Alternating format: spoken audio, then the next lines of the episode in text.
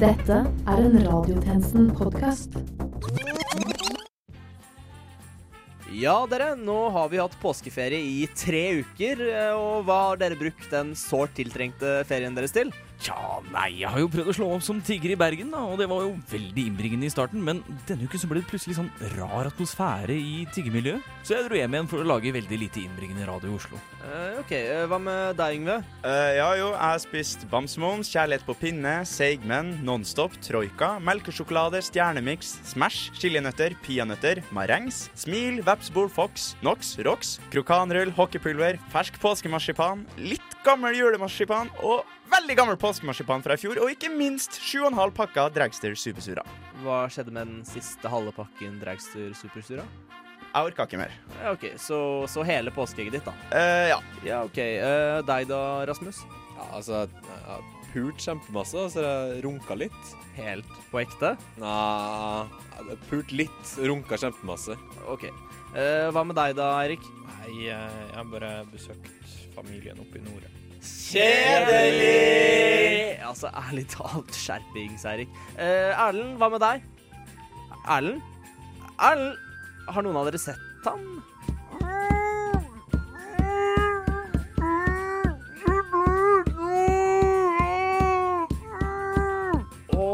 Ja, det stemmer. Eh, Vi låste han jo inn i det skapet der etter forrige sending for tre uker siden. Eh, Skulle ikke du låse ham ut igjen, Philip? Nei, var det ikke Yngve som skulle det, da?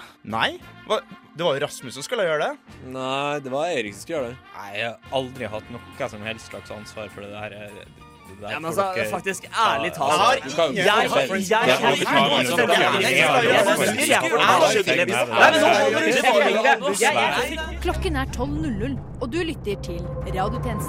Det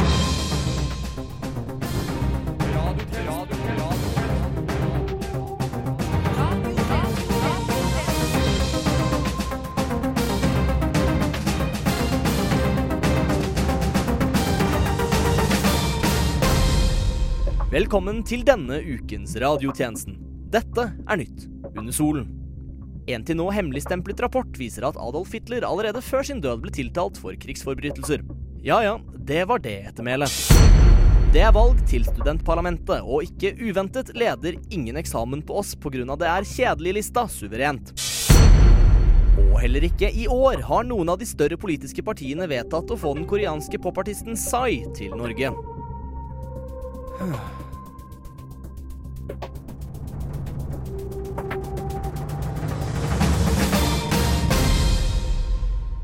Det er lite som er så deilig som en akkurat passe kald brus. Forfriskende, leskende og ikke minst flytende. Men noen ganger kan brusen bli litt vel kald. Det fikk en lokal mann oppleve forrige torsdag. Det var like etter klokka 18.30 Arendalsmannen Jørge Jehova Brynildsen kom hjem fra butikken. I en plastpose fra Rema 1000 hadde mannen en pose chilinøtter, en Grandiosa naturell, to frosne hvitløksbrød og ikke minst selve indrefileten, selve toppen av kransekaka, cocktailbæret i hverdagslivets fruktkompott, en og en halv liter herlig leskende brus.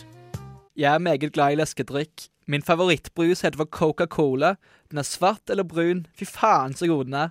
Det eneste jeg liker bedre enn brus, er kald brus. Det er akkurat det samme som brus, men den er ekstra kald. På en sommerdag er det sykt digg å kjøle seg ned, men jeg har ikke noe imot å kule den litt ekstra på andre tider også. Brusen av merket Coca-Cola av type naturell var varm fordi den hadde stått på palla midt på butikkgulvet, like ved en sylinder fylt med Polly småsulten på salg. Den 24 år gamle mannen la derfor brusen ikke i kjøleskapet, men fryseren. For å maksimere den sublime sanselige opplevelsen det er å nyte et glass iskald, brusende svartdrikka. Fytti rakkeren. Det som skjedde da Jeg glemte at jeg hadde lagt brusen i fryseren. Men akkurat denne dagen ble brusen litt i kaldeste laget selv for Jehova-brynelsen. Mineralvannet hadde på grunn av noen kjølige omgivelser inne i fryseren gått fra å være flytende, forlokkende og flott til å være iskald, isaktig og verst av alt laga av is. Klokka 20.45 innser Jehova Brynildsen katastrofens omfang. Svart eller brun is som man umulig kan drikke fordi det er is. Hendelsen førte ikke bare til at den brusende kveldskosen ble utsatt på ubestemt tid, men også at den unge mannen begynte å revurdere livet sitt. Altså, hvis jeg ikke engang klarer å huske at jeg har lagt brus i fryseren Altså, det å i det hele tatt drikke sukkerholdig mineralvann på ukedager Har jeg livet på stell? Sånn egentlig? Dama mi slo opp med meg fordi jeg så for mye på YouTube. Kan du ikke se på meg, da, sa hun til meg en dag i karakteristisk rasende humør. En gang tok hun fra meg dataen i 20 minutter. Jehova Brynildsens eksistensielle krise blir bare verre og verre. Jeg er 24 og et halvt år. Burde ikke livet mitt vært på stell sånn cirka nå? For meg er ikke fast arbeid en realitet, men to vanskelige fremmedord. Min bestevenn fikk A på masteroppgaven sin og er en fin og vakker kjæreste som brenner for alpinsporten, naturopplevelse og veganske tvister på amerikansk junkfood. Jeg bor i et kollektiv med tre svenske 19 år gamle gutter og bruker tida mi på youtube.com og resten av internett. Jeg, er en dritt, er jeg ikke? Noen ganger lurer jeg på om livet i det hele tatt er verdt å leve. Om jeg fortjener å leve livet. Er jeg ikke en bylle på samfunnets ryggtavle? En inngrodd tånegl i storsamfunnets maratonløperfot?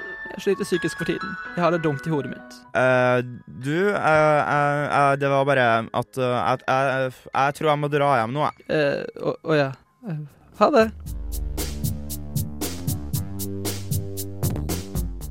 Radio Nova går i lufta! En populistisk bølge brer seg utover Europa, og Norge skal ikke stå helt utenfor klubben. Her til lands blir bevegelsen bl.a. representert ved Senterpartiet, det artige bondepartiet som lenge har fått færre stemmer i takt med at Norge fikk færre bønder.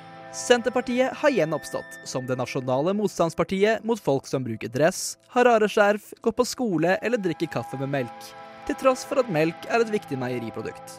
Nå er de mot innvandring, mot ulv og for Norge som det var for veldig lenge siden. Likevel skyr de unna populismeuttrykket. Hva er greia med dette?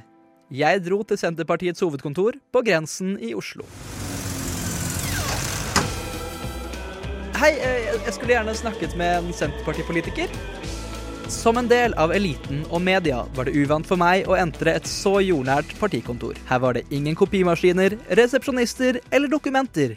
Og vegg-til-vegg-teppet var byttet ut med et mer landlig teppe av gjødsel. I et hjørne sto det en mann med felleskjøpedress og høy gaffel som jeg umiddelbart gjenkjente. Stortingsrepresentant Peter Pløye. Hei, er det, er det du som er Peter Pløye? Det er det, og dette er min vanlige høygaffel som jeg brukte daglig. Til arbeid på gården, selvfølgelig. Ikke til å drive politisk motivert heksejakt. Jeg uh, skjønner. For dere i Senterpartiet er uenig i at dere er et populistisk parti? Det er vi helt uenig i, ja.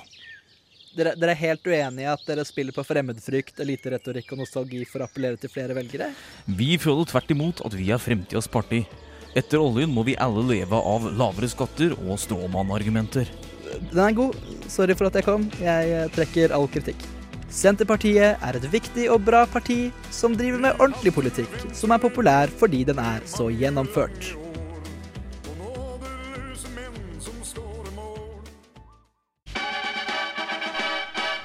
Radio. Rema 1000 sliter, det er det ingen tvil om. Etter den store fadesen med app-satsingen Æ og utestengelsen av alkoholprodusenten Mack, har selskapet opplevd en solid nedgang i antall kunder. Tjenestemann Johannesborg, øh, altså meg, har vært ute i butikkene for å høre hvorfor folk ikke lenger handler på Rema 1000. Hvorfor handler ikke du lenger på Rema 1000s butikker? Hvorfor handler ikke du lenger på Rema 1000? Uh, jeg tror det er på grunn av ah. Hvorfor handler ikke du på Re... Ja, jeg tenkte meg det, ja. ja. Hvorfor tråkka du på foten min? Som lytterne nå har hørt, alle kundene vi har snakket med, er av den oppfatning av at Rema 1000s bestevennsatsing Æ har det hele og fulle ansvaret for salgsnedgangen. Rema 1000 revurderer nå å gå over til supersatsingen Ø. Denne reportasjen er laget i samarbeid med Anders Magnus fra NRK. What? Radio Nova. Verden er et sted som blir stadig mer turbulent. Har ikke verden rukket å komme seg etter ett terrorangrep, kommer det jaggu et til like etter. Men i haugen av nedslående nyheter om lastebiler i full fart kommer det nå et lite lysglimt fra et litt uventet hold. Al Qaida. Det var like før påske det skjedde. Nei, ikke at Jesus ble angitt av Judas Iskariot for tusenvis av år siden. men at fjerde sesong av den populære ungdomsserien Skam ble sluppet til alles begeistring. Og NRK har nok en gang blitt rost opp i skyene. Men så er det kanskje ikke NRK som skal få kreden denne gangen. Torsdag morgen norsk tid påtok den islamske organisasjonen Al Qaida seg ansvaret for at Sana ble denne sesongens hovedperson. Og du, Sune Aagaard, kommunikasjonsekspert i Gelmyden Kise, du mener det her overraskende trekket er en aldri så liten genistrek? Ja, det stemmer meget godt. Det er meget nevnt å lære støy på den tradisjonelle måten. Du ser classics som Boko Haram, ISIS og Taliban gjør det kjempegodt. Men hva er det de gjør? De kneller piger, sprenger busser og lærer bråk. Øh, Så langt øh, har det fungert godt, og øh, samtidig så ser man at Al Qaida gjør det svakt. Men nå er det tables turn.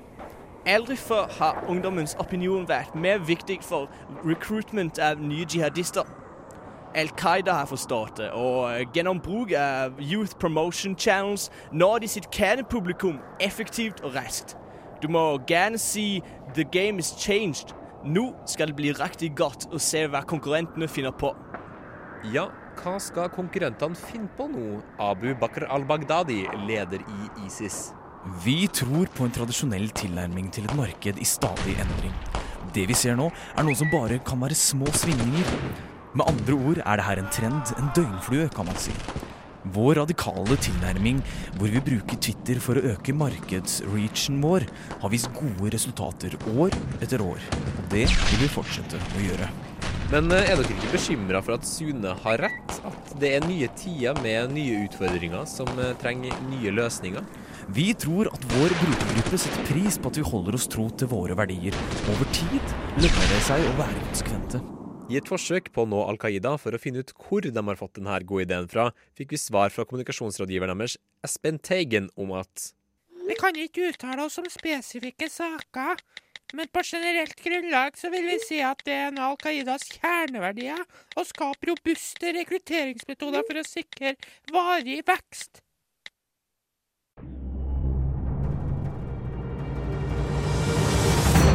Økonomi. Politikk. Krig. Fred. Sånn. Siden NRK Brennpunkt setter sin kritiske dokumentar om tigging og organisert kriminalitet, og det på toppen av det hele er vår igjen, har spørsmålet om tigging atter en gang blitt aktuelt. Vi i radiotjenesten har spurt noen tilfeldig utvalgte mennesker om hva de mener om tigging i det offentlige rom. Jeg eh, gir av prinsipp ikke tiggere penger. Jeg skriver i stedet et kontroversielt utsagn på en lapp og legger i koppen, slik at tiggere kan debattere utsagnene mine seg imellom. Og så gjennom det kanskje føle et snev av menneskeverd, om det er mulig. Men i det siste så har dette også gjort meg betenkt, siden det har kommet meg for øre at det finnes bakmenn som organiserer debatter for disse tiggerne. Disse bakmennene, eller ordstyrerne da, de har jeg aldri møtt. Og når jeg gir en mening til en tigger, f.eks. at det burde satses på forskning som kan gi menn med ekstremt høy IQ sin egen livmor og eggstokker, slik at de kan befrukte seg selv og dermed føde særs intelligente barn, så er det slik at jeg gir denne meningen til den ene tiggeren som sitter på akkurat det gatehjørnet som jeg passerer.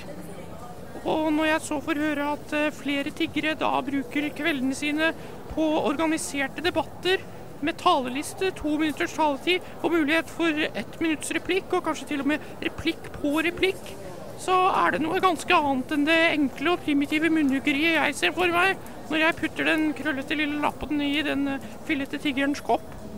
Det handler rett og slett om å respektere at lappen i koppen faktisk egentlig er min, altså. Jeg mener at eh, en av de store utfordringene i vårt samfunn er at statusen til tiggere er altfor lav. Og mange av tiggerne har eh, lav formell kompetanse som bidrar til et inntrykk av tigging som et useriøst yrke. Derfor er det veldig viktig at vi som samfunn stiller krav til tiggerne. For å kunne få tigge i Norge bør man derfor minst ha mastergrad med karakter C eller bedre, og man bør kunne dokumentere innsikt i de sosiale, politiske og økonomiske mekanismene som gjør det nødvendig for enkelte mennesker å be om penger fra andre. Uten en opplyst tiggerstand vil vi aldri kunne få velinformerte givere, og hva har vi da? Et samfunn der de blinde leder de blinde. Og hva får vi da? En verden der mennesker uten synsevne assisterer hverandre i hverdagslige oppgaver som å lage mat, av- og påkledning, skolisseknyting og tatovering av Norges Sjakkforbunds maskot Hasse den kåte kaninen på hverandres korsrygger. Er dette et samfunn vi vil ha? Nei, det vil vi ikke. Så riv stokken fra den blinde og lær ham å se. Som vanlig er kunnskap svaret. Men jeg har glemt spørsmålet. Nei, jeg, jeg, kjenner rett og slett blir forbanna når jeg hører om folk som tigger istedenfor å stjele. Det er jo bare en kreativ måte å omgå den statusen de har som avskyelige kriminelle krek som fortjener å brenne i helvete. Det, Dersom de i stedet bryter seg inn hos oss og raner oss om natten, så, så vil de i det minste slippe å se dem henge og slenge gatelangs som noen udugelige hjernedøde slasker. Piss off, amøber, og skaff dem noen brekkjern og masker. Det er, det er plenty av hus å rane for de av dere som ikke er så jævla late. Der jeg kommer fra, på Krøstabu lengst inn i Grafsvik, har vi ikke hatt så mye problem med omstreifere. Hver sankthansaften har vi nemlig grilla dem på bål og spist dem med kålrabistappe og tyttebær til. Men det har nå blitt så mye snakk om kjøttfrie middagsalternativ og tofu ditt og kaninfôr datt på Coop-en på Slafskog i det siste, som er ganske bekymra her i Skræfjord nå. Det blir ikke det samme med en omstreifer laga av soya eller en slags asiatisk sopp. Vi er skapt som rovdyr og må få lov til å være det. Dessuten vil han Ron Egil på Trusneset være uten jobb hvis ingen skal drepe tigrer. Og da må vi vel avlive han uten å ete han, og det er å kaste bort godt kjøtt på ingenting. Det er ikke slik vi gjør ting her på Sleikshøyda. Altså, jeg må bare spørre. Snakka du om å donere penger til ei pornoside på nettet? Fordi jeg har bare gitt penger til ei eneste pornoside. Og det er min egen for å poppe opp statistikken, sånn at det skal se ut som om noen bruker den. Og det er ikke tigging sånn teknisk sett, for eh, jeg har lånt pengene i banken. Så de kaller det sånn etablissementslån eller fritidslån eller eh, noe sånt der. Eller teknisk sett fikk jeg vel inkasso på akkurat det lånet da, mot selge bilen. eh, Men eh, så kjøpte jeg en scooter på Stringa for de pengene. Så måtte jeg selge den òg for å betale unna gjelda etter at jeg kjøpte sånn eh, livaktig elektronisk sjimpanse med sånn sensuelt blikk og fyrig naturtro vokaliseringer fra arngren.com for 52 000. Og da ble det et lån fra 123 Forbruket. Fullt lovlig, rent teknisk sett. Og kroppen min er faktisk en løsgjenger. Den er en vare. Radionova er best. Alle andre er tapere. Radionova.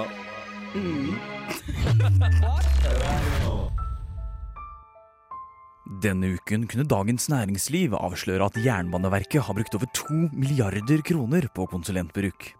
Disse konsulentene skal igjen ha blitt brukt for å finne frem til nye konsulenter. Med oss har radiotjenesten fått med seg førstekonsulentsjef Per Ståle Lønningspils. Og eh, Lønningspils, hva tenker du om denne summen? Altså, denne summen speiler først og fremst at det er altfor dyrt å leie inn konsulenter her i landet. Så dere i Jernbaneverket skulle gjerne sett at det var økonomisk mulig å leie inn flere konsulenter? Ja, det stemmer. De konsulentene vi leide inn, som skulle finne frem til nye konsulenter å leie inn, var ikke gode nok. Her skulle vi hatt en kvalitetssikring som kunne ha sørga for at de riktige konsulentene ble leid inn til det riktige tidspunktet. Mm. Så dere ville gjerne hatt noen nye konsulenter som kunne kvalitetssikre at konsulentene som skulle leie inn konsulentene, var gode nok? Ja, det stemmer, men det ideelle ville vært hatt noen konsulenter som kunne kvalitetssikre de konsulentene som skulle leie inn konsulentene som skulle leie inn de neste konsulentene igjen. Men det høres ut som en ganske dyr prosess, da. Ja, så nå har vi leid inn noen konsulenter som skal finne ut av hvordan vi i fremtida skal kunne leie inn konsulenter som skal leie inn konsulenter som skal kvalitetssikre at konsulentene er gode nok konsulenter til å leie inn til en billig penge. Ja, ok, ok. Men hvorfor gjør dere ikke bare den kvalitetssjekken av konsulenter selv, herr Lønningspils? L lønningspils uh, nå? Altså, det hadde vi i forrige uke. Uh, oh, ja. ja. Nei, du mener navnet mitt, uh, ja. Stemmer det. stemmer det. Planen var å leie inn noen konsulenter til å finne ut av om vi kunne gjøre det her sjøl. Men uh, da har vi igjen de hersens lønningene til de konsulentene, og selvfølgelig lønningene til konsulentene som skal leie konsulentene, som skal kvalitetssikre konsulentene, som leier inn konsulenter, som skal ha konsulenter til å leie inn konsulenter, til å finne andre konsulenter, som dermed skal være Og med det er radiotjenestens tilmålte tid forbi, men fortvil ikke. Du finner oss som alltid på Facebook, Twitter, Instagram, Snapchat, Tinder og i en flaske forfriskende 7up. Dette innlegget er sponset. Mitt navn er Herman Arneberg Johnsen, og medvirkende i denne ukens sending har vært Yngve Sikko, Rasmus Vardemann, Erlend Lunde Holbæk, Eirik Bergesen Dalen og Philip Johannesborg. Til neste gang, We News.